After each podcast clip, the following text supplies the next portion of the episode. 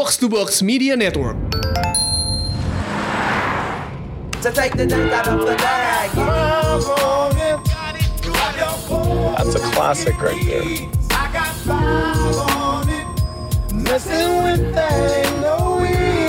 What does I got five on it mean? It's about drugs. It's not about drugs. It's a dope song. Don't do drugs. Get in rhythm. Uh, there you go. There you go. Can't believe how big they've got. Did you hear Gabe got a boat? He's kidding, right? He's not kidding. Hey, I think it's vodka clock. Oh yeah. Where's Jason?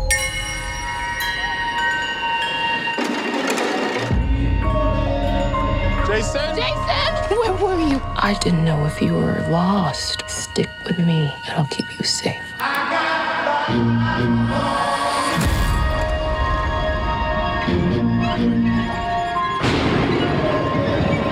There's a family in our driveway. It's probably the neighbors. But y'all scared of a family? Hi, can I help you? Zora, put your shoes on. If you want to get crazy, we can get crazy.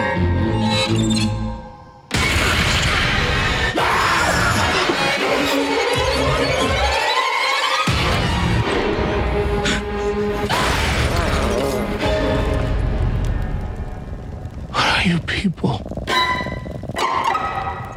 It's us.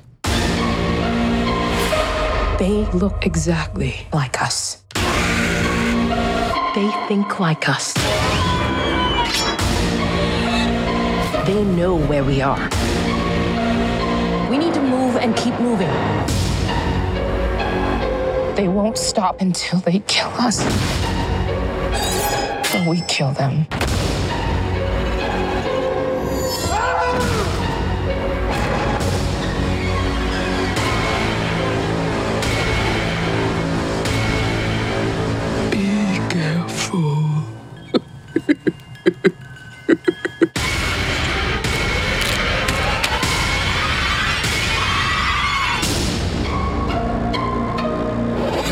Dari Showbox Podcast, ada gue Lisa dan gua Angga dan kita akan ngebahas film As dari Jordan Peele. Tadi film gue barunya Jordan Peele ya pas latihan sama Angga bilangnya film US.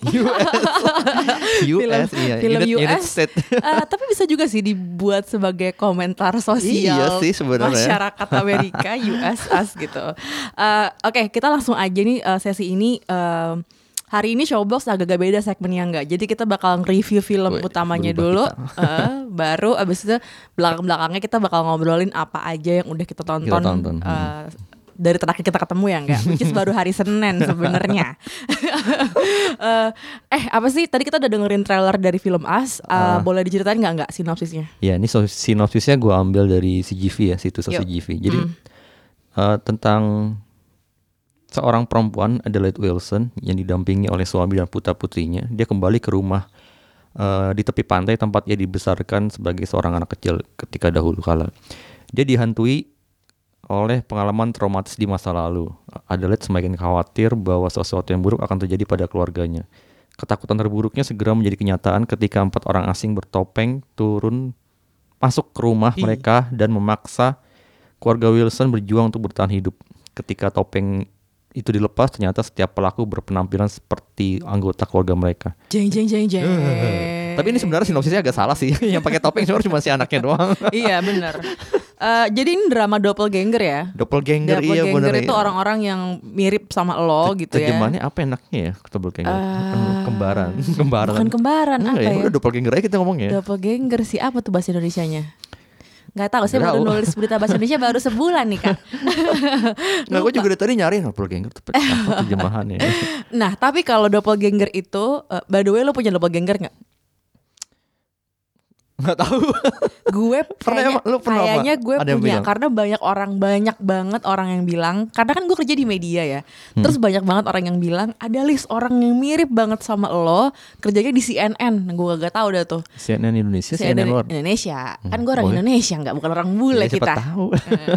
Terus habis itu gue pernah dikasih screen cap si Mbak ini, si Mbak CNN ini lagi di mana gitu dia di videonya ada pokoknya di CNN gitu, gue dikasih screen cap dan gue kayak loh itu gue. Tapi itu di mana? gitu. Terus temen gue bilang iya ini kayak lo banget kan gitu. Dan itu aja nggak gue udah creep out gitu kayak itu Tapi emang iya mirip. itu gue tapi tapi itu di mana? Gue nggak tahu itu foto gue lagi ngapain lagi di mana. Pokoknya kayak cuman screen cap gue lagi di atas motor gitu doang. Hmm, dan ternyata itu bukan gue gitu. Tapi gitu aja tuh gue udah serem. Lo bayangin nggak di film ini? Oke gue udah kasih warning ya ini spoiler alert. Iya, langsung jadi aja. eh, si anak si Adelaide eh, ini ketika waktu masih kecil masuk ke rumah hantu itu ya udah salah banget kan masuk ke rumah hantu sendiri gitu kan Hmm, Penuh Gue kaca kayak, tuh. Hmm. ya ini sih nyari penyakit gitu nah masuk ke rumah hantu rumah kaca ya rumah apa sih ada sebenarnya kayak fun house gitu kan juga kan. tapi tapi kayak eh, ada ya ada takut-takutan tapi ada kayak rumah kacanya Iya. gitu terus tiba-tiba dia ngelihat bayangan anak kecil perempuan yang sama persis kayak dia dan bayangannya berbalik dong ke Berbalik. dia Dan dia melotot. Nah kalau lo doppelganger, at least tuh baju lo masih beda, terus ada yang beda dari dia kan. Kalau Iya. ini tuh bener-bener sama ya, sama Persis. banget. Mm-mm, Habis gitu. itu ganti adegan gitu. Iya, Ya, gitu. akhirnya terungkap di akhir Jadi akhir. itu creepy-nya sih gue pas pas adegan itu gue kayak fuck. Dan lu inget ah, lu ngeliat foto doppelganger lu itu. Tapi kalau gue nggak doppelganger gue sih gue nggak yang ah nggak yang serem gitu, cuma kayak ih aneh banget sih gitu kayak kok bisa gitu ya, kok bisa itu kayak gitu. Kalau gue jadi inget dulu pas zaman gue masih gondrong gitu ya, Gimana? rambut gue sebahu terus gue agak kurus, gue Gua agak kurus. gue gak kebayang lo gondrong Kalau lo kurus gue kebayang Karena lo masih kurus sekarang Tapi kalau lo gondrong. Tapi waktu itu ada yang bilang lu mirip Adon Base Jam. Adon Base Jam, gue udah lama banget gak denger dia Abis ini kita diketok gak pintu kita sama orang lain Hei jam Adon Base Jam. ya udah gitu doang sih gue inget jadi itu doang.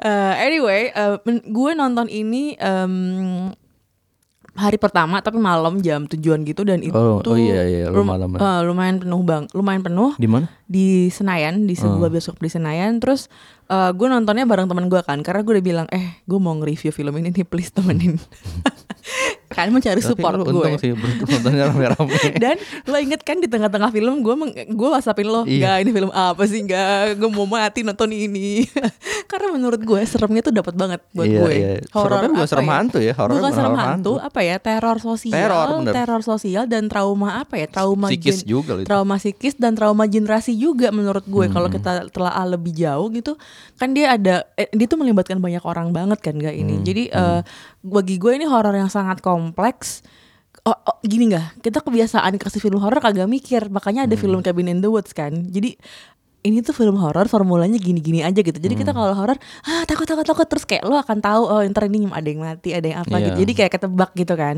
Kalau ini tuh udah bukan masalah formula yang ketebak atau enggak lagi, tapi Bukan. lo jadi bertanya-tanya nih maksudnya apa ya? Iya. Kenapa ada ini, kenapa begini, kenapa Iya, begitu itu gitu harus kan. jeli sih kita nonton film asli. Dan emang jadinya setelah lo kelar nonton tuh gue masih yang kayak aduh gue pengen nonton lagi nih kayaknya gue setelah melihat kesimpulan akhirnya yang akan kita omongin nanti gue yang kayak wah gue kelewatan banyak banget nih tadi berarti gitu gue baru sekali nonton by the way dan Angga ada dua kali nonton kalau lo gimana nggak gue nonton kemarin pagi jam 11 eh itu pemutaran paling pagi. Kemarin tuh hari apa ya pak? Kemarin tuh hari Rabu. Oke.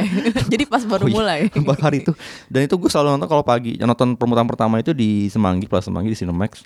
Dan emang agak selalu jam pertama? Selalu jam pertama. Karena gue nyari nyari Angga? Karena gue harus selalu sering dengan ke kantor kan. Terus ya udah gue nonton dulu. Dan memang selalu sepi sih karena karena putaran pertama Iya, kan. iya, iya. paling cuma ada 10 orang main yang nonton. Itu lumayan sih 10 orang buat jam Tapi pertama. studio ya studio du, tiga apa dua ya? Gede ya? lumayan gede. Nah, ya, Oke, oke, 100 orang mah ada. Terus ya udah eh 100 kursi ada. Ya udah lu sepi kan terus gue wah. Dan sepanjang film akhirnya gue merasa ter- terteror juga ya. Gue sempet lah beberapa kali eh, merem-merem gitu merem-merem merem-merem karena nggak tega aja ngeliatnya. gitu. terus ya udah abis, eh, dan sampai kantor gue ngobrol sama teman gue si eh, kolega gue si Permata Dina dibilang dia nanya gimana filmnya ya gini gini gini gue bilang terus gue bandingkan dengan Get Out kan Iya. film Jordan film pertama terus dia bilang ya gue masih suka Get Out cuma pas gue ngomong gitu gue kayak merasa kayaknya gue harus nonton lagi deh Lo nggak karena, yakin ya? karena gue merasa film ini film asli ini sebenarnya punya banyak Hmm. Eh, makna gitu. Cie, Iya, makna. ya udah. cie. gue nonton lagi dan ternyata bener gue Hmm. banyak menemukan hal baru gitu pas nonton lagi kedua kalinya di malam harinya gitu. Iya itu gue mau gue nonton lagi tapi gue mau nunggu kayak jeda seminggu gitu loh. Jadi kayak lebih Hmm. karena gue bener-bener mik- jadi mikirin film ini terus gitu loh nggak jadi itu itu menurut gue film yang bagus tuh kayak gitu. Cerdas ya. Mm-mm, jadi kayak apa ya bukan yang bukan yang ngajarin cerdasnya enggak ya kan? Tapi dia memberi sesuatu buat lo mikir aja gitu kayak dan lucu gua- juga loh lucu gimana ya lucu lucunya saat lucunya, lucunya buat lu nyeremin sih kalau kata gue Nggak, gue nggak nemu sih lucunya nggak. Di mana lucunya? lucu tapi nggak bikin lu ketawa gitu lucu Nggak, gue takut tetep. Tapi takutnya tuh takut yang beda dari film-film horor biasa ya nggak sih? Kayak, kayak aduh, kayak kerasa ada ih, haunted feeling hauntednya tuh ada gitu menurut gue. Nah kalau dibandingin sama Get Out, hmm, menurut gue ini skalanya lebih gede ya nggak? Karena Oh, iya, kalau iya. Get Out itu kan eh eh, keluarga jadi kayak PDK pacaran sama keluarga kulit Hmm. putih terus tiba-tiba ada pengal kayak lo masuk ke dia bikin sunken place si Jordan Jordan Peele di di Get Out dia bikin sunken place lo dihipnotis dan tubuh lo diposes apa tuh dirasukin ya ganti dirasukin ganti jiwa Ah, gitu. kalau ini ini tuh tentang dunia orang dunia bayangan ya dunia bayangan jadi ternyata bayangan lo itu eh dia ma- si Jor- Jordan Peele ini dia mempertanyakan kenapa bayangan harus melakukan apa yang dilakukan oleh apa masternya gitu loh. Jadi sebenarnya kalau perhatiin nggak kalau menurut gue ini sama-sama ada politik tu- apa kuasa tubuhnya. Iya. jadi kayak memang eh, mem- mempertanyakan kenapa kalau seorang yang powerless itu ya ya gitu rasanya. Nggak bisa nentuin lo mau nikah sama siapa mau punya anak kayak gimana maksudnya kayak anaknya kayak anaknya berapa kayak gitu-gitu. Lo ngikutin aja nggak bisa ngomong nggak bisa apa gitu kan. Dan itu tuh kayak eh, buk- sesuatu yang sangat menohok gue cie menohok tai banget lo. Lo bisa habis nulis dengan kata menohok ya di kantor. lagi seneng pakai bahasa Indonesia kak Eh, anyway iya jadi kayak gitu eh, nggak kalau gue Dan Kalau- si Adelaide melawan kan. dan dia dia eh Adelaide kembarannya nah ya. gimana nih Doppelgangernya. melawan melawan siapa yang melawan tunggu gue mau nanya dulu nih kita punya konklusi yang sama nggak nih atas film ini Kok- ending film ini belum belum tahu kan. Cuma kalau gue emang melihatnya film ini penuh dengan komentar sosial sih emang. ya Uh, udah pasti gitu ya. Hmm. Uh, tadi Lisa udah bilang di awal, as ini bisa bisa ber- uh, apa namanya dimaknai sebagai kita gitu bisa kita ya atau US. US Walaupun kalau US harusnya S-nya gede Tapi Iya, maksud iya, gue iya. In a way In a way itu cerminan masyarakat di Amerika Serikat Iya, menurut iya. gue Apalagi ada Apa Charity Hands Across America Uh, Hand Cross yang Amerika ternyata itu, kan terkenal ya tahun 86 itu yang ya. iya hits katanya hits charity hits tahun 80-an tuh kayak gitu Iya, tema-temanya gitu. Gue kalau gue uh, ya tadi sempat gue bilang kalau gue sempat ngebandingin dengan Get Out. Awalnya emang gue ngerasa Get Out lebih enak gitu ditonton dan lebih lebih apa ya pure gitu lebih, Lebih fokus ya? fokus fokus bener fokus Betul. kalau ini tuh gede Ini, banget ini idenya berantakan sih, agak berantakan. dan kayaknya banyak banget ambisinya sih Gordon Iya. Peele dimasukin ke sini- dalam sini dan banyak komentar sosial politik dia juga masuk ke sini juga gitu. Tapi setelah gue perhatiin lagi, ternyata ini cukup padu sih gitu. Dari awal kalau lu perhatiin. Hmm. ini setelah nonton kedua kali nggak? Iya. Oke oke. dari awal dari dari mulai film ada ada opening credit scene itu Hmm. uh, tulisan-tulisan tentang terowongan segala macam itu dan ada kelinci dan Ya. kita melihat ada kaos Michael Jackson uh, album Thriller. trailer. Michael Jackson dan gue merasa abis nonton abis lihat kaos itu dan gue abis nonton film Finding Neverland. Iya. and ini uh, Living Neverland. Oh. gue jadi gimana gitu.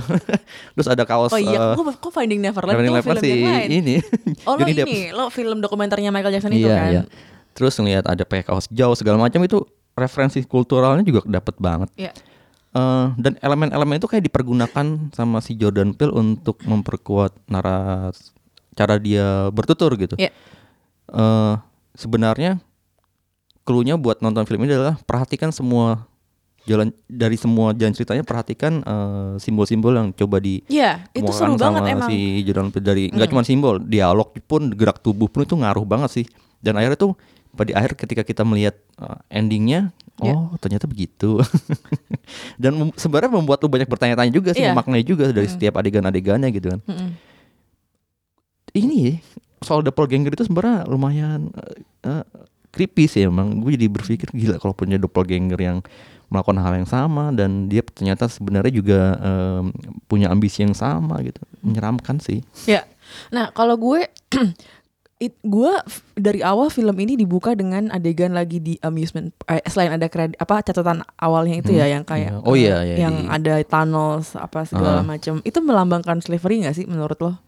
Ya, ya. itu kan dibangun pasti iya, sama pa- orang-orang kulit hitam itu, kan di heeh. Amerika. Iya, tapi maksudnya eh, kaitan itu dengan film nemu nggak? Kita ngomongin dari awal Oh dulu dari aja. awal gue jujur eh, bener bener kata lu bener kata lu. Jadi ketika gue nonton film ini gue pikir ini bakal ngomongin rasisme pure apa Ya. bener-bener rasisme total gitu. Ternyata enggak. Ada rasisme, cuman enggak itu bukan jadi hal yang utama seperti di Get Out gitu. Ya. Lu gimana? Kalau gue eh gue kan baru nonton sekali ya nggak mohon maaf nih kita jadi Eh, nggak apa-apa eh, lah. jadi eh, kalau gue masih masih mikir-mikir terus hubungannya apa ya sama yang itu kalau gue sih paling komentar gue ya itu paling berhubungan dengan kerja keras orang kulit hitam untuk membangun Amerika. Serikat Mm-mm.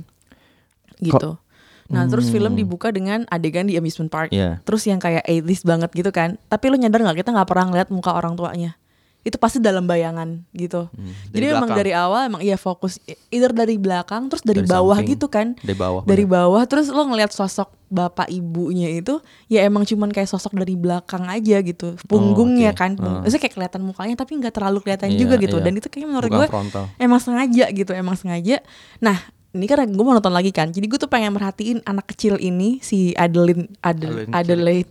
Adelaide. Adelaide kecil.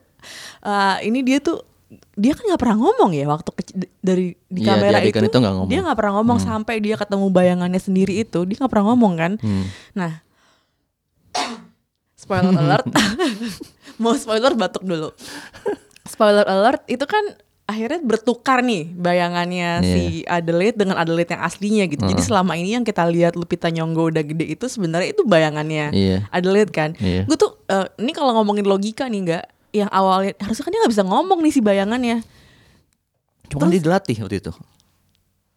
Ah Kan ada oh, ada ada, ada dialog psikolognya itu ya yang Iya. gue cuma pengen anak gue bisa ngomong Iya. lagi yang kayak gitu ada ibu yang dialog-dialog nangis-nangis ya. heeh, dialog-dialog pendek ngomongin ya kita ajarin dia nari ajarin Hmm. dia lukis segala macam dan mulai melatih supaya dia bisa ngomong lagi gitu dan sering berjalan waktu akhirnya dia bisa ngomong kan Iya, terus yang si Adelaide benerannya jadi ngomongnya jadi terbata-bata malah kayak gitu. Dan itu memungkinkan gak sih menurut lo kalau anak udah umur segitu ya menurut gue? umur segitu sih harusnya udah lumayan fluent ya maksudnya lebih bisa lah ngomong gitu Hmm.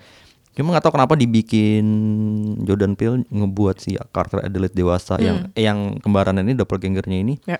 jadi ngomongnya agak susah dan lebih berat gitu entah kenapa tapi ya gue sih mungkin gue mikir karena di bawah nggak ada yang bisa ngomong dia nggak punya lawan bicara dan dan akhirnya nggak pernah Hmm. bisa untuk ngomong secara langsung kan entah gimana cara komunikasi mereka gitu cuman Hmm. itu membuat dia harusnya bisa ngomongnya jadi berbeda gitu Hmm. Nah itu it speaks to me in a very apa ya in a very sad way uh, Hmm. gimana orang tuh kalau emang nggak terbiasa ngomong ya lo nggak bisa ngomong Hmm. bukannya ngomong kayak kita ngomong biasa gini ya tapi kayak menyuarakan pemikiran lo menyuarakan opini lo kayak gitu-gitu sih Hmm. jadi ketika nonton ini gue yang kayak gue ngelihat ini tuh sebenarnya penggambaran orang-orang yang powerless lagi-lagi dan uh, orang-orang yang nggak bi- yang uh, yang terpaksa oh, hidupnya tuh diatur sama orang lain gitu loh ya nggak sih nggak dan sampai bahkan ngomong pun lo tuh kayak ah, ah, yang yang kayak gitu kan yang cuma serak-serak kayak gitu gitu dan dia sebenarnya yang punya dia yang punya ide besar iya untuk- jadi pengubahnya adalah ketika dia diculik dan maksudnya dia di- tinggal di dunia bayangannya itu dan dia dendam gitu. kan sebenarnya Iya. Kesal. Jadi revenge juga ya, revenge, Revenge. drama. Yang gue nggak bisa yang gue masih sekarang sekarang masih coba mencari tahu artinya adalah kenapa harus berbaju merah dan kenapa harus megang gun- kenapa semuanya bersenjatakan gunting nah, itu gue belum nemuin sih guntingnya gue kurang tahu, tapi eh, mungkin ada semacam jadi gini, kenapa? eh, jadi kalau mau diceritain eh, tokoh-tokoh bayangannya ini semuanya ketika mereka lagi apa ya demo apa apa ya? Bukannya demo nih, aksi-aksi. aksi bergandengan tangan aksi bergandengan tangan gitu. Eh gue iya gue juga nggak tahu sih kenapa merah. Mungkin karena patriotisme atau I don't know something kayak gitu-gitu. itu gue belum nemuin. Karena banyak banget gue ngelihat permainan warna biru merah biru merah. Ya, itu kan Ya, warna bendera Amerika ya, Amerika ya, Amerika. bendera Amerika. Hmm. Jadi kayak itu berkali-kali tuh biru merah biru merah gitu. Kalau ngeliatin propertinya juga, oh ini kayaknya ada maksudnya gitu loh. Tapi gue mau ngomongin nih nggak kalau soal simbol, gue mau ngomongin soal kelinci putih. Apa tuh Alice in Wonderland bukan Bukan. kalau gue mikir Alice in Wonderland sebenarnya berhubungan dengan Alice in Wonderland, but in a way si kelinci putih ini sebenarnya kalau lo uh, suka lihat-lihat meme di internet gitu, jadi gue pernah baca di mana ya Daily, tetap apa gitu. Jadi si White Rabbit ini sebenarnya simbol dari white supremacy. Gitu. Oh. Jadi ketika digambarkan itu kepalanya digunting atau pokoknya terus dia Dimakan lagi. dimakan apa itu kayak mungkin semacam amarah juga buat eh, komunitas film yang berkulit hitam di Amerika gitu ya. Maksudnya kayak mereka pengen protes kayak gitu tapi disimbolkan dengan cara kayak gini kok. Itu pembacaan gue gitu. si White Rabbit ini. Tapi kalau gunting sama sama overall merah itu ya nggak tahu. Kalau ada yang punya pembacaan berbeda lagi karena ini filmnya sebenarnya asik banget ya buat diobrolin ya. buat Kak? dibaca, dimaknai, Ci, ya, di, buat diartiin. dilihat terus-terus, ditonton terus-terusan berkali-kali dan diobrolin sih sebenarnya ya nggak? Iya. Kalau gue ngeliat kelinci tuh gini, jadi kan itu kan eh, kita di awal di, di, di shot Hmm. Kelinci pertama percobaan. kelinci percobaan ya. di shot pertama itu kan di, diperlihatkan kelinci banyak banget di Iya. dalam kotak gitu kan, dan kita nggak tahu itu ada di mana kelincinya itu ada di ruangan apa, dan sampai di di di, sepert- di akhir-akhir film kita tahu kalau kelin- kelinci itu ada di bawah tanah dan itu jadi Iya. semacam makanan lah buat si para doppelganger ini kan. Gue jadi kalau gue jujur gue inget kisah Alice Alice in Wonderland karena kan si tokoh Alice ini kan Iya. dia eh, mengikuti kelinci sampai dia Iya. masuk ke lubang Follow the kelinci white dan rabbit, ya. iya terus langsung datang eh masuklah ke dunia antah berantah yang Mhm. penuh dengan makhluk-makhluk eh, aneh itu kan. Iya. Em, nah di sini sih si ya kita ngelihat si Adelaide akhirnya kan masuk ke dipaksa masuk ke dalam si ruangan bawah tanah ini Hmm. Ya. dan dia akhirnya ber- bertukar bertukar eh, bertukar dengan Adelaide yang palsu gitu kan Hmm. kembarannya dan dia hidup di bawah tanah dan akhirnya mungkin dia harus masak harus makan kelinci itu dan bertemu dengan kelinci juga gitu. Hmm. Tapi kalau kita eh, dengan apa ya membandingkan dengan atau menganalogikan As dengan film As dengan kisah The Alice in the Wonderland ini, maka dunia yang antah berantah dan aneh ini eh, di mana sebenarnya? Ada di bawah tanah, di Ya. bawah terowongan itu atau di dunia nyata di atas di atas karena kan Atau kalau di Alice in Wonderland apakah itu cuma mimpi? Nah, itu dia. Karena pada akhirnya kan ini eh, para doppelganger ini keluar dan Menguasai eh, dunia. menguasai dunia, membunuhi para kembarannya Iya. kan dan dan kalau lihat seruan film ini adalah sebenarnya doppelganger ini atau kembaran atau bayangan ini adalah sebenarnya orang-orang yang nyata juga karena. Hmm. kan diperlihatkan real gitu kan dan direkam oleh kamera TV bahkan mengikuti aksi eh, Hand Across America yang Iya. 086 itu dan ya si tokoh Adelaide ini kan sebenarnya dia menginisiasi apa meng, Adelaide kembaran yang di bawah tanah ini. Dia selama bertahun-tahun hidup di bawah tanah. Dia menaruh dendam kepada Adelaide yang palsu itu yang yang menukar tubuhnya di atas. Dan dia merencanakan eh, menurut gue ya dia merencanakan aksi hand, meniru aksi hand across Amerika karena di, di adegan-adegan awal film ini adalah dia menonton TV Iklan. ada iklan hand Iya. across Amerika dan itu gue pikir kan eh, jangan-jangan itu ternyata dia terinspirasi dari situ Iya. gitu Dia ketika diculik itu dia kan pakai baju itu kan? iya iya benar Iya, ha, dan itu dipajang jadi kayak manifestonya dia nih kayak tujuan gue ini gitu. tapi itu gila sih menarik banget sih cara si Joe Jordan Peele menampilkan apa ya eh, pro- budaya-budaya pop era itu bahkan Betul. termasuk eh, termasuk si aksi solidaritas eh aksi penggalangan Iya. dana ini kan Itu dapat banget ya feelnya ya. Mau dari lagu, mau dari caratinya Mm-mm, itu mm-mm. semuanya. Eh, thriller. Terus sempet at some point tuh anak kecilnya ada yang pakai kaos Jaws gitu. Iya, si, iya. Siapa si Jason ya namanya? si Jason anaknya anak itu, yang paling kecil Nah, kalau lu ngelihat keluarga doppelgangernya ini, eh, kalau kita ngeliat ini semua aktornya double double role, gue kata nih gajinya double apa enggak kira-kira kalau enak banget. Tapi eh, akhirnya gue seneng banget akhirnya Lupita Nyong'o bisa dapat peran yang sesuai dengan kemampuannya setelah 12 Bagus loh actingnya, Slave. suka gue di sini. Iya, setelah 12 Years a Slave dia menang Oscar, kan dia film-filmnya kebanyakan tetapnya supporting role. Hmm, hmm. Eh, malah yang kayak di apa tuh yang film drama pesawat sama Liam Neeson yang nggak nggak pugu banget perannya gitu loh, cuman lewat gitu Iya, doang. iya, iya. Aduh, gue lupa, Gue lupa judulnya tapi ada di drama pesawat sama Liam Neeson gitu. Terus ada ya terus kan kayak di Star Wars apa di mana gitu kan kayak bahkan ketika dia di Black Panther pun gue yang kayak aduh ini it's a waste of talent aja sih gitu kayak cuman cuman kayak checklist oh ada ada Lupita Nyong'o Hmm. tapi kayak maksudnya secara peran tuh nggak terlalu menantang menurut gue tapi di sini tuh bener-bener dari gerak gerak tubuhnya dari cara ngomongnya bahkan ketik ekspresi mukanya aja kan beda banget sebenarnya Iya. antara Adelaide dan kembarannya Kembarannya. Eh, gitu sih jadi gue sampai ya ini ini akhirnya nih ada orang yang bisa nulis buat Lupita Nyong'o sih Gua Dan gitu. pas ya. pas gitu Dia kan paling menonjol sih acting jadi sini ya, walau Hmm. emang karena aktor Iya. utama dan tapi dibandingkan suami tokoh suaminya, Winston anaknya, Hmm. ini paling menonjol sih. Em, apa ya? Menyeramkan ketika dia berhadap-hadapan ngobrol antara Adelaide yang asli dan Adelaide yang Hmm. Palsu. Mana yang asli, mana yang palsu sebenarnya itu perlu dipertanyakan kan.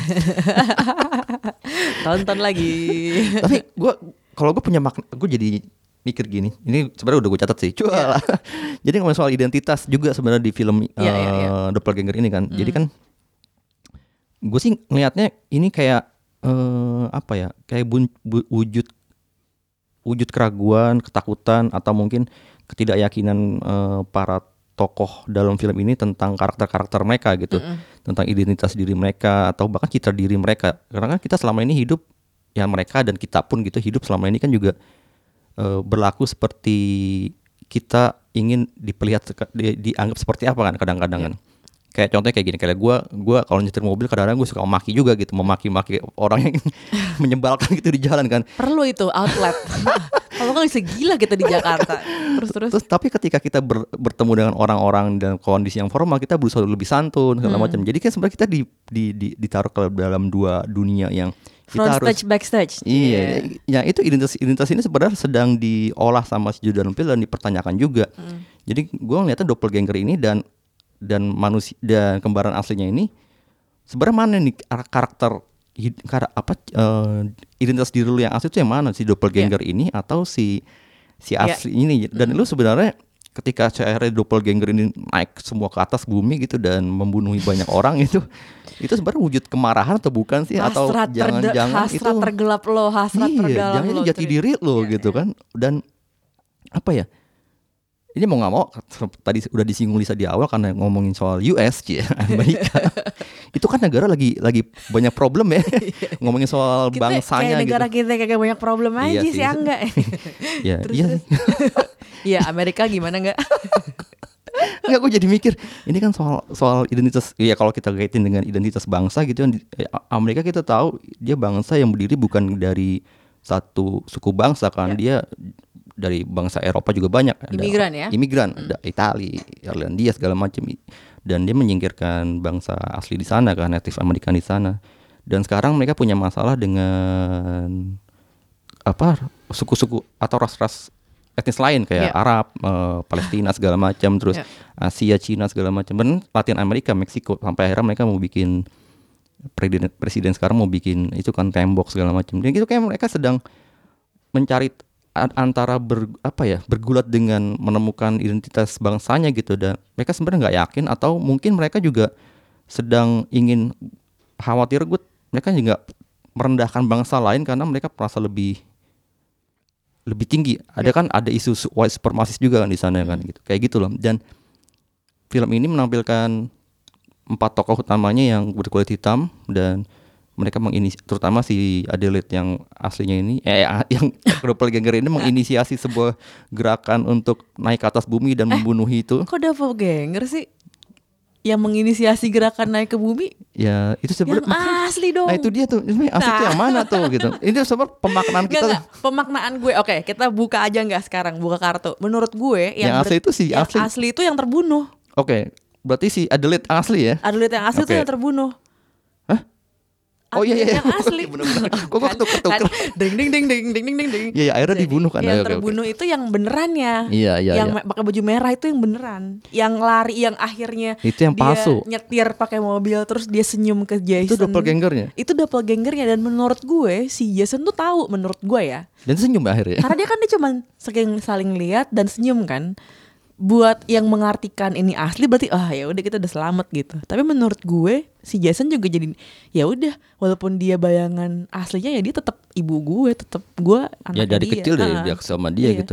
Gitu. Atau nah gue nggak tahu nih apakah sebelumnya sempat terjadi per- pertukaran lagi yang kita nggak tahu nggak tahu ya makanya gue mau nonton lagi tuh nggak Gue gue ada nggak tuh per- kira-kira pertukaran lagi ketika dia udah gede Lihat sih sih. Cuman Hmm. gue mikirnya gini ketika dari kecil akhirnya ber- mereka bertukaran hidup gitu ya yang yang, as- Iya. yang asli jadi hidup di bawah tanah yang palsu eh, yang kembarannya Jadi tinggal di atas di tanah. Jadi nyata. mereka Ah. lebih ya yang satu jadi hidupnya lebih eh menye- apa ya eh, menghayati hidup gimana cara manusia hidup di atas gitu kan. Iya, iya. di atas bumi di mana yang di bawah yang jadi ya si Ed- si doppelganger yang aslinya jadi doppelganger malah Iya. ketuker kan.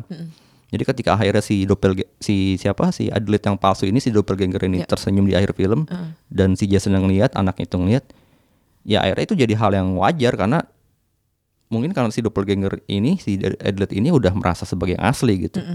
Gitu. Tadi gue mau ngomong apa lagi sih? Gue sih pengen ngomongin eh, Elizabeth Moss si yang jadi Si Kate Kitty. si ibu Tyler iya yang yang yang di pantai dan Eh, sangat itu menarik loh keluarga Dan- dua keluarga berbanding ini. dan ketika jadi doppelganger gitu bener-bener mukanya annoying banget kayak wah gila sih serem Eh, dan gue rasa dia sangat apa ya dia cukup bersenang-senang dengan peran kayak gini sih setelah dia di apa Handmaid's lo nonton Handmaid's Tale gak sih? Nggak, nggak, wah nggak. lo harus nonton gak? Harus harus Nah, harus Iya iya. Eh, di situ kan dia perannya sebagai perempuan yang direp yang diri yang direpresi banget kan jadi Hmm. kayak ekspresinya tuh sangat teratur terus apa ter, apa ya kayak orang terjajah gitu gimana sih terus harus pakai kayak bonnet kayak topi yang nutupin muka gitu Iya iya. dan harus Gue lihat sih baca sinopsisnya sih gue. Hmm, kayak Terus? gitu jadi itu kan sangat terjaga kan tutur kata segala macam sementara di sini tuh dia yang kayak se- semau maunya dewe gitu loh pusing ya gue itu keluarga bagian keluarga ini iya nah terus kembar gimana ceweknya maka dibunuh? Nah ini kalau lo ngeliat, mau kalau mau ngomongin homage ya enggak, ini kayaknya banyak banget eh, homage ke film-film zaman dulu nih. Kalau yang si kembar itu dari The Shining of course kan, Ya. anak kembar dua yang bahkan ngomongnya aja barengan Iya. kayak jinx sampai tiga kali gitu ngeri banget. Eh, apalagi nggak eh, jejak-jejak gue nemunya satu sih. yang lama. Karena gue penggemar film Haneke, Michael Haneke. Michael Haneke. Funny Games tuh Ya. kerasa banget tuh tentang si keluarga si keluarga Wilson ini si di sekap gitu kan. Iya.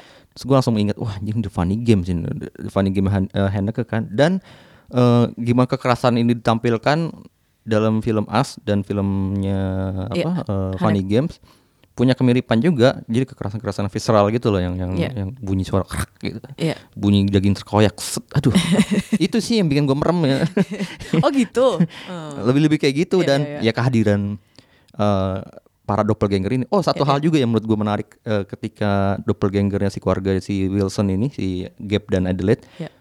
muncul dan ku- dibandingkan dengan kehadiran keluarganya si Kitty dan siapa Josh suaminya ya, Iya. huh. muncul. Kalau ini kan keluarga Adelaide ini kan keluarga kulit hitam ya. Iya. Lihat deh rumahnya. Ketika ditampil mereka tampil semuanya gelap, gelap, gelap, gelap. Dan sering kali Iya. muncul gitu kan karena mereka berkulit hitam juga, Iya. jadi kita harus memperhatikan banget kan. Iya. gue curiga di sini eh, si Jason, ya Jason lagi Jordan Bell tuh kayak ingin me- membuat kita awas gitu, eh, membuat kita mata kita lebih Hmm. awas lagi terhadap mereka yang, eh, lu selama ini mereka selalu direndahkan gitu warga kulit hitam, jadi Ya. kita harus, harus melihat lebih mereka lebih lebih jeli lagi gitu. Ya. Sedangkan agak sarkastik sih caranya si Jordan Hmm. Peele. Cuma kalau dibandingkan dengan si caranya si eh si keluarga si Kitty ini dibunuh, mereka kan pas mereka dibunuh oleh para kembarannya itu kan para doppelganger kan itu itu rumahnya terang benderang musik Iya. musik berdentang-dentang Terus musiknya emang yang elektro gimana yang orang kulit putih banget sementara kalau yang Iya. mereka kan kalau hip hop gitu kan musiknya. terus langsung dibunuh lagi kan Iya. sedangkan keluarga si Wilson ini bisa bertahan hidup Iya. menarik Iya, sih sebenarnya Menarik, menarik. Karena yang buat mungkin sudah muak dengan karakter kulit hitam yang selalu pertama kali kebunuh nggak kalau di film horor. Dan cara mereka ngebunuh tuh lucu ya, lucu-lucu gimana gitu. lucu serem sih cuman lihat kan pas, pas mereka ngebunuh Iya, ya iya. si Gap itu akhirnya membunuh kembarannya Iya, di perahu itu lucu sih. Nah kalau ngomongin ini nggak, yang tahu nggak sih di film ini ada ayat Bible yang nongol terus. Yeremia itu ya Jeremia, Jeremiah. Jeremia 11, Jeremia. itu 11. apa sih gue belum sempet Ini gua Google. gua Google. Heeh. Ini kita berdua orang muslim nih nggak, jadi kagak tahu juga gimana mengartikan Ah, iya. ini ya. Gue bacain aja nih tapi ini nggak. Ini bahasa Inggris versi King King James version nih gue ngeliatnya di Bible Gateway. Semoga ini sumber yang cukup valid ya. Iya, Pokoknya kalau lo Google ini nongolnya pertama kali soalnya. Therefore thus saith the Lord, behold, I will bring evil. Ayo Lisa kamu bisa kamu kan I will bring evil upon them, which they shall not be able to escape, and though they shall cry unto me, I will not hearken unto them. Ini kayaknya kalau lu eh, eh, orang-orang yang nggak meng- apa ya faith tuh keyakinan nggak nggak yakin sama Tuhan tuh bakal dikasih setan gitu yang nggak bakal mereka bisa lari melarikan diri. Terus kalau lo mengadu sama Tuhan terus lo nangis dia juga nggak bakal ngampunin lo. Kira-kira kayaknya gitu sih semoga bener ya. Semoga bener nih. Tapi kalau kalau gue bacain ayat itu terus lo ngelihat film ceritanya kayak begini nyambung nggak nggak gue nggak berani berkomentar men Nah sama gue juga. Jadi kita serahkan kepada para pendengar Iya, Showbox iya. yang beragama Kristiani. Iya, untuk meng- Eh, ikut, eh, mungkin menjelaskan. bisa mencerahkan kita karena kita nggak ngerti tapi kita pengen mengerti gitu loh dengan film ini kayak karena ini berkali, berapa kali nongol ya enggak dan ya? itu yang megang Heeh. ayat itu orang yang sama dan Sama nggak sih nggak kemudian. sebenarnya? kan sama kan meninggal kan akhirnya. Di- meninggal tapi kayak Itu doppelganger yang pertama agak- kali agak-agak di pantai. Iya agak-agak yang di pantai ya tapi kayak ini sama apa enggak ya gitu kayak nggak ada konfirmasi tapi ya semoga sama ya Nah, kita sih, gue sih memaknai sama Lo gitu. maknanya sama. Eh, ada juga nih kalau kan gue habis gue google si Jeremiah Eleven Eleven ini ya sebelas sebelas itu ternyata si sosok keluarga keluarga Wilsonnya ketika yang doppelganger itu yang Hmm. berempat dia gandengan tangan itu itu kan kayak angka 11 11 11 11 Anjir iya gitu. juga ya. Iya, jadi ada yang ada yang ya. nyamain kayak gitu. Tapi gua tapi gua masih belum nemu ada artikel yang ngebahas 11, maknanya apa tuh dari surat itu. Terus kalau ya mu- mungkin ini usahanya Jordan Peele buat jadi kayak biblical juga gitu ya. Hmm. Nah, itu mungkin ya, mungkin itu ada arti lainnya juga yang kita mungkin kurang paham nih kalau soal kalau soal Injil. Itu simbol-simbol itu banyak banget sih bertebaran di film ini kan. Iya. Ya, iya, ada satunya simbol, ada simbol kelinci, ada banyak banget ya. Angka gua- 11 ketika di angka jam juga. 11, iya. Terus eh ya waktu anak kecilnya minta kaos pun nomor 11 juga kan. Oh Jadi yang iya, kayak yang eh, di I want ya. number 11, 11. gitu. Gue inget karena 11 tuh angka gue. Oh gitu ya. Iya, jadi kayak eh, gue cucu ke 11 apalah pokoknya ada sekian fakta yang kenapa gue suka 11 termasuk kalau dokter-dokter Who dokter favorit gue dokter ke 11 Ah, Jadi kayak ah, sama nih 11 Tapi kayak kenapa 11 banyak banget ya di, di film ini Iya, gitu. Ya kayak gitu sih Itu kalau ada yang punya teori-teori tersendiri Boleh ya di-share ke kita ya enggak ya Gitu Gua eh gue jadi tadi mau ngomongin soal identitas itu. Ya gimana enggak? Soalnya ada gue jadi tadi kan ngomongin soal sempat ngebahas soal identitas si Hmm. para doppelganger ini. Kita, kita mengartikan identitas bangsa Amerika sedang diperdebatkan gitu Ya. dengan kehadiran doppelganger dalam film asing ini. Soalnya ada satu kali ada beberapa dialog dalam film ini yang lucu. Ketika si Adelaide itu nanya ke doppelgangernya bilang eh, What are you? Katanya, we are Americans. Jauh banget. itu Kan antara US We are American. Itu gue ketawa sih. Oke. Ya gue tahu lu oh, lu tinggal di bawah di bawah selama ini di bawah tanah gitu. tapi lu tetap warga Amerika gitu lu Iya, tetap iya. orang Amerika gitu Jadi nggak mungkin tuh tiba-tiba lo nyasar ke Jakarta gitu ya Ke mana gitu nggak mungkin ya ya soal itu hand Jadi ternyata Amerika bayangan punya teritori juga. punya dan dia menguasai Jadi ternyata border apa ya batas-batas negara itu berlaku juga di dunia bayangan.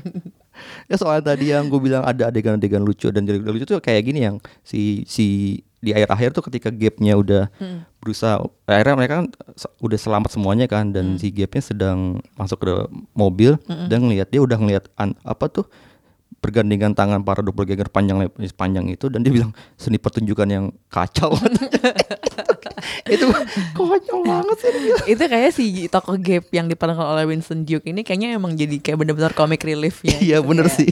Eh, ya kalau kira-kira kalau nonton film-film jagoan di mana istrinya jadi latar belakang ya kira-kira kayak gitulah ya kalau di film ini suaminya jadi latar belakang. latar belakang ya awalnya kan maco banget tiba-tiba masuk ke dalam rumah bawa, ketakutan kan- bawa tongkat baseball kan ah gue hajar juga ini empat orang yang nongkrong di halaman gue dan ternyata dia takut sendiri. Ya kayak gitu-gitu lucunya. Lucu mencekam sih ya nggak lucu yang bikin lu terbahak-bahak juga gitu. Ada catatan lagi nggak nggak sebelum kita wrap up? Udah sih gua ya kalau diomongin semua nanti nggak pada ini deh iya. Enggak, ini kan sebenarnya kita juga memancing teman-teman pendengar juga mengutarakan isi pikirannya te- kalau udah nonton film ini gitu ya. betul Ayo nonton, kita tonton lagi. Gue juga pengen nonton lagi untuk melihat apa gue yang gue yang terlewat dalam film ini. iya gue gitu. pasti nonton lagi sih minggu depan sendiri lagi. Saya berdua lagi atau sendiri. Udah berani berdua dong. berdua Oh, sih tetap Tetap ya. kalau kayak gini kayaknya kalau film-film yang lain mungkin nggak apa-apa gitu tapi kalau yang kayak gini teror ya yuk kita ngobrolin eh, kira-kira kita se- setelah terakhir ketemu kita nonton apa aja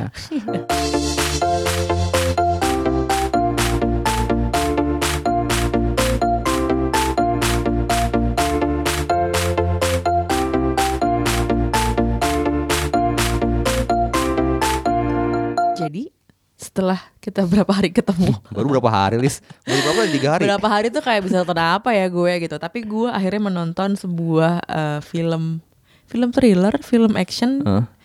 tembak-tembakan lah pokoknya ya Wih. di Netflix Ya, judulnya lu Triple jadi Frontier Langganan lagi? iya gue balik lagi Netflix sekarang keponakan gue yang aku mau nonton Tayo. Terus gue lemah dong sebagai tante yang baik hati. Gimana namanya diglendotin sama anak umur 3 tahun? Ya udah lah apa kabar? Ya Balik lagi lah kita ke Netflix demi Tayo. Oh, banyak film baru di Netflix sekarang. Banyak. Iya kan? Dan gue tapi gini ya nggak Kalau lagi capek terus lagi pengen santai tuh balik-baliknya gue Lion King. Terakhir tuh gue nonton Iya. Lion King sama Toy Story Karena mungkin Toy Story lagi banyak, dia banyak, banyak diomongin orang Karena baru keluar trailernya. Dan karena gue gak nonton trailer Akhirnya gue nonton aja film pertamanya Sama sih, gue kalau lagi melo gitu gue nonton ADC 2 Jogja, New York. Jogja, New Jogja York. sih, yang Norway sih gue gak Jogja, Jogja ya. Gue juga kangen nih Jogja nih. Anyway, eh, gue nonton Triple Frontier. Ini film nggak tahu kenapa filmnya Gua aktornya bagus-bagus semua. Iya Oscar Isaac, ada Ben Affleck, eh, ada Pedro Pascal ya. Terus eh, ada banyak lagi dan filmnya seru sih menurut gue. Itu Seru. executive executive producer si Catherine Bigelow kan? Iya, Iya, betul. canggih bener Dan ya. ini si penulisnya kalau nggak salah Mark Boal juga sih yang Iya iya yang- iya, kan? Gue sempet uh, Coba ini. gue Gue cepet pastikan baru dulu. nonton Mm. setengah jam jadi gue belum bisa ngomong banyak Oh lo udah nonton belum kelar ya? Belum Kok kelar. lo bisa berhenti sih nggak? Tiduran Oke. Oke. Biasa nontonnya malam-malam tiduran Oke pak, tapi maksud gue ada Charlie Hunnam juga ya. Oh Eh, iya iya iya iya akhirnya setelah itu. Nah ini filmnya menurut gue seru banget dan gue baru sadar gue merindukan film-film action yang kayak gini, Mhm. yang nggak banyak ribut. bukan ribut yang nggak banyak ribut tuh ribut definisinya gimana ya cuman eh, kesannya tuh kalem aja gitu somber gitu tapi eh, menarik buat diikutin gitu ya jadi tentang jadi orang-orang yang tadi gue sebut itu mereka memerankan sekelompok army yang Mantan kan? mantan army ya mantan army yang ngerasa dima- dimanfaatkan sama negaranya wah gila nih kita udah sampai kupingnya budek lah apa iya, harus iya. operasi nganu-nganu tapi kita nggak punya jam- jaminan hari tua yang memadai kira-kira kayak gitu kan jadi ketika tahu ada seorang drug lord yang tinggal di sebuah hutan Hmm. sebuah Punya hutan duit banyak kan nggak salah dan punya duit banyak mereka yang kayak ya udah kita rampok aja nih gitu dengan peralatan yang mereka punya dan skill yang mereka punya ya make, sense sih menurut gue jadi Ah. eh, dan gue suka dengan dengan cerita eh, oke kita eh, orang-orang yang powerless terus berus eh, maksudnya orang-orang yang dimanfaatkan gitu ya terus mereka berusaha kayak we'll do something about our life gitu Dimanfaatkan Oke dan dikecewakan dan dikecewakan gitu. Tapi at the same time ketika gue nonton ini gue yang kayak aduh emang ini orang-orang pada kagak mikir. Pertama Orang maksud orang-orang maksudnya si para tokoh-tokoh si ini tokoh-tokoh ini gue sih udah kayak wah gue dari awal nih kayak wah mati semua nih. Enggak, tenang. Datang, ya, tenang, tenang. Gue nggak spoiler, gue nggak spoiler. Tapi gue gak masalah sih kalau di spoilerin tenang, gue nggak spoiler tapi gue yang kayak something's gonna happen and this is gonna be really bad. Ya gak sih? Kalau lu sekelompok Hmm. Harus, orang iya, terus lo pasti ngeram- naratifnya gitu. lo ngerampok mafia obat obat ker- apa kayak gitu terus Kartel gitu iya kan. kartel terus mau mau ngambil duitnya gitu kayak dan dia markasnya dikelilingin orang ah udah deh gue nggak ya itu pertama Hmm. terus dari segi kartelnya juga ngapain lo punya duit segitu banyak diumpetin di hutan itu kayak bener-bener iya kalau lo mau sembunyi hiding in plain sight ya nggak sih Hmm. nggak lo berhenti kayak kalau lo nonton film-film serial serial kayak Breaking Bad apa gitu-gitu itu kayak ya itu nggak bakal ketahuan tuh kalau kayak gitu caranya kayak si siapa Hmm. eh Yos Poyos Hermanos Hermanosnya itu gas fring Heeh. kayak gitu itu operasinya tuh tersembunyi dan dia dekat sama polisi itu lebih masuk akal menurut gue tapi kalau lo menjauh ke hutan terus lo bikin apa sih bank uang lo di situ Iya. ya lo jadi sasaran banyak orang ya kan? Jadi kayak dari dua belah pihak tuh nggak masuk akal menurut gue. Cara kerja cara mikirnya tuh nggak masuk akal tapi ya sudah lah ya kita pasrahkan saja. Dan ternyata ya emang ya ini kritik terhadap apa sih ya duit kekayaan kapitalisme gitu-gitu. Eh, dan di menurut gue triple frontier tau gak lo artinya? Enggak jadi ternyata ini misinya misi tiga negara, bener sih. Hmm? Jadi negaranya di mana? Terus dia, kan dia pindah nih ke ke, ke pedalaman hutan itu, tuh negaranya udah beda lagi. Terus Hmm. Oh, something happen along the way dan mereka stuck di Iya, sebuah negara, negara lain lagi. lagi, Heeh, iya, jadi iya. triple frontier tuh maksudnya itu tiga bat tiga batas di negara itu. Dan it- menurut gue kalau lo suka film-film action yang eh, agak-agak sedikit bertanya punya pertanyaan moral gitu ya tentang makna uang dalam hidup lo, eh, bagus sih ini tonton aja gitu. dan, dan kayaknya lumayan kuat di ini ya eh, solidaritas di Iya antara betul. karakternya gitu. Iya. Dan endingnya cukup kayak, hah? Terus ada sequelnya dong gitu. Oh iya. iya. Jadi kayak malam ini gue nonton. Coba yang ketiduran lagi. lo nonton apa nih enggak? Kayaknya lo nonton film bagus banget nih. Waduh, kok lu sarkas gitu sih men? Tapi gue mau berharap sih emang Gue nonton The Secret Rihanna The Beginning Wah, ini akan jadi universe ya universe Rihanna ya gue sebenarnya nggak ngikutin Rihanna itu gue tahu Rihanna itu salah satu tokoh yang Iya. dibesarkan karakter yang dibesarkan Gue oleh ngeri bro TV dia kan Hah? Ngeri gue ngeliat di panggung gitu Terus Iya kepalanya sih. kejut-kejut gitu Gue gak pernah nonton dia ini ada Jadi- di filmnya juga gitu juga Iya gue Kenapa tuh dijelasin gak? dijelasin Oke kenapa? kan Coba ada ada, ada aja. makhluk halus yang menggerak-gerakkan tubuhnya itu, kiri Serius kanan loh? iya kiri kanan gitu jadi sebenarnya tentang Rihanna yang tinggal di kota kecil bersama ayahnya dan ibunya dan mereka satu keluarga menjalankan usaha rumah duka gitu. Jadi suka uh, apa namanya men- Hmm. Ceria filmnya mendandani. iya ya dari kecil si Rihanna emang udah bisa ngelihat makhluk-makhluk halus Oke. itu gitu. Sampai akhirnya ada musibah dan mereka harus pindah ke rumah omnya di Jakarta dan bertemu akhirnya si Rihanna bertemulah dengan boneka Riani ini. Mereka akhirnya tumbuh sampai dewasa sampai remaja lah gitulah dan kehidupan sosialnya nggak bagus nih si Rihanna. Jadi dia lumayan Dia tertutup orangnya. tertutupnya. Sampai akhirnya ada musibah lagi datang dan akhirnya dia harus dibiasakan untuk berkomunikasi dengan orang-orang lain gitu kan. Dan, dan ada satu orang namanya Bu Clara diperankan oleh Aura Kasih. Eh, dia akhirnya mencoba untuk me- me- apa ya me- memfasilitasi Rihanna untuk bertemu dengan orang-orang lain. Orang-orang lain adalah orang-orang yang anak-anak anak remaja yang juga punya kemampuan khusus seperti Rihanna gitu di rumah itu dan rumah itu sebenarnya rumah-rumah yang agak horor ya. Rumah omnya ini karena dia omnya itu adalah eh, kolektor barang antik. Dan barang-barang antik ini banyak yang punya isinya gitu. Banyak banyak penunggunya gitu. Aduh. Sebenarnya look film ini dari awal udah cukup menarik gitu ya kan. Ada eh, sinematografinya itu agak gritty gitu loh. Jadi eh, terus dekorasi apa artnya juga lumayan oke di apalagi ketika mereka pindah ke rumahnya si omnya ini yang penuh dengan barang antik beberapa spot itu lumayan menarik juga lumayan menyeramkan tapi film ini menurut gua si ini kan karya Billy Christian ya Eh, film ini kayaknya gagal untuk me- memfokuskan narasi tentang horornya itu itu sendiri gitu. Jadi lebih kayak si siapa namanya? Eh, narasi film itu terjebak dalam isu psikologisnya si Rihanna gitu. Eh, dan penggambaran gimana cara Rihanna untuk bergulat dan men- em, apa namanya di supaya dia tidak tidak selama terjebak dalam eh, trauma psikologi trauma psikologisnya itu digambarkan dalam film itu tidak terlalu menarik gitu. Iya. Eh, kadang-kadang gue melihat ini kok kayak menjelimet amat kayak mengikuti beberapa pola film-film luar Hollywood gitu. Tapi sebenarnya nggak perlu sejelimet itu juga gitu dan akhirnya horornya sendiri nggak nggak terlalu tergarap. Horornya horornya sangat tidak lokal gitu ya. Eh, banyak banyak hantu-hantu yang eh, kesannya dari kalau kita melihat film-film bandingkan dengan film-film horor dari US dari Eropa ya kayak gitu. Bukan horor lokal kayak bukan nuansa film-film horor lokal hantu-hantu lokal gitu. Tapi emang gue mungkin ada beberapa adegan seram yang lumayan mengagetkan dan lumayan didesain dengan baik juga Eh, mungkin kalau lu sempet nonton silakan aja. Sih nonton ada satu adegan yang bikin serem sih yang ketika satu pem- eh, hantu pembunuh pembunuh anak kecil ini keluar dari ruangan antik gitu dan tiba-tiba eh, lampu eh, apa jendela di selasar itu di ro- di lorong itu tertutup semua dan gelap tiba-tiba dia muncul. Itu lumayan serem sih. Tapi selebihnya ya film ini kurang solid lah menurut gue dan sayang sih sebenarnya karakter potensi cerita tentang anak indigo itu yang bisa ngeliat hantu dari kecil dan gimana cara dia men, men- menyem- apa ya ber, ber- mengantisipasi dan membiasakan hidupnya dengan itu itu menarik buat dieksplor cuman film ini nggak terlalu bisa untuk menyiasati itu gitu Hmm. wah ya gitu sih gue nonton juga Gue sempet gak bosan juga tuh nonton gua. apa gak sih kalau nonton si di ini aja di kalau OTT. OTT kalau udah di OTT gue nunggu ada di hook atau di itu Maxstream kayaknya sepuluh ribu sehari. Eh, gitu aja kali ya enggak? Yuk. Recap kita minggu ini, eh, minggu depan gue nggak tahu mau nonton film apa. Apa film yang baru minggu depan? minggu Nggak depan tahu ada ya. itu eh, My Stupid Boss My Stupid dua- Boss. dua. Kita bakal nge-review My Stupid Boss bareng seorang reviewer film beken. Lucu kayaknya. Cluenya adalah dia perempuan dan dia pernah viral. Apalagi? Pernah mas sering kali viral. Sering. Ya kan gue bilang pernah biar orang nebak-nebak Oh, siapa iya. ya gitu. Terkenal Tapi kalau sering ntar tahu Oh orang-orang. ya udah, pernah pernah. Iya. Dikoreksi gitu. Ya udah sampai ketemu minggu depan aja, geng.